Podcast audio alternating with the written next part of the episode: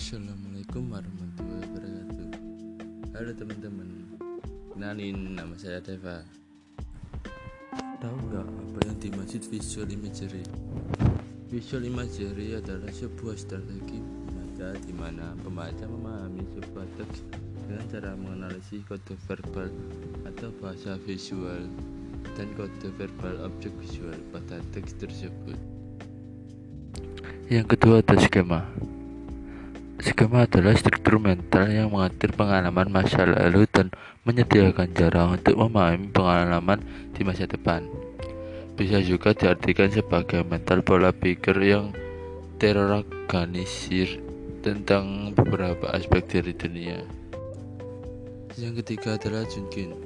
Junkin adalah proses gabungan antara suatu individu yang menjadi unit serta memiliki makna yang lebih besar di mana potongan-potongan individu dari kumpulan informasi dipecah kemudian dikelompokkan bersama dalam satu kesatuan yang bermakna.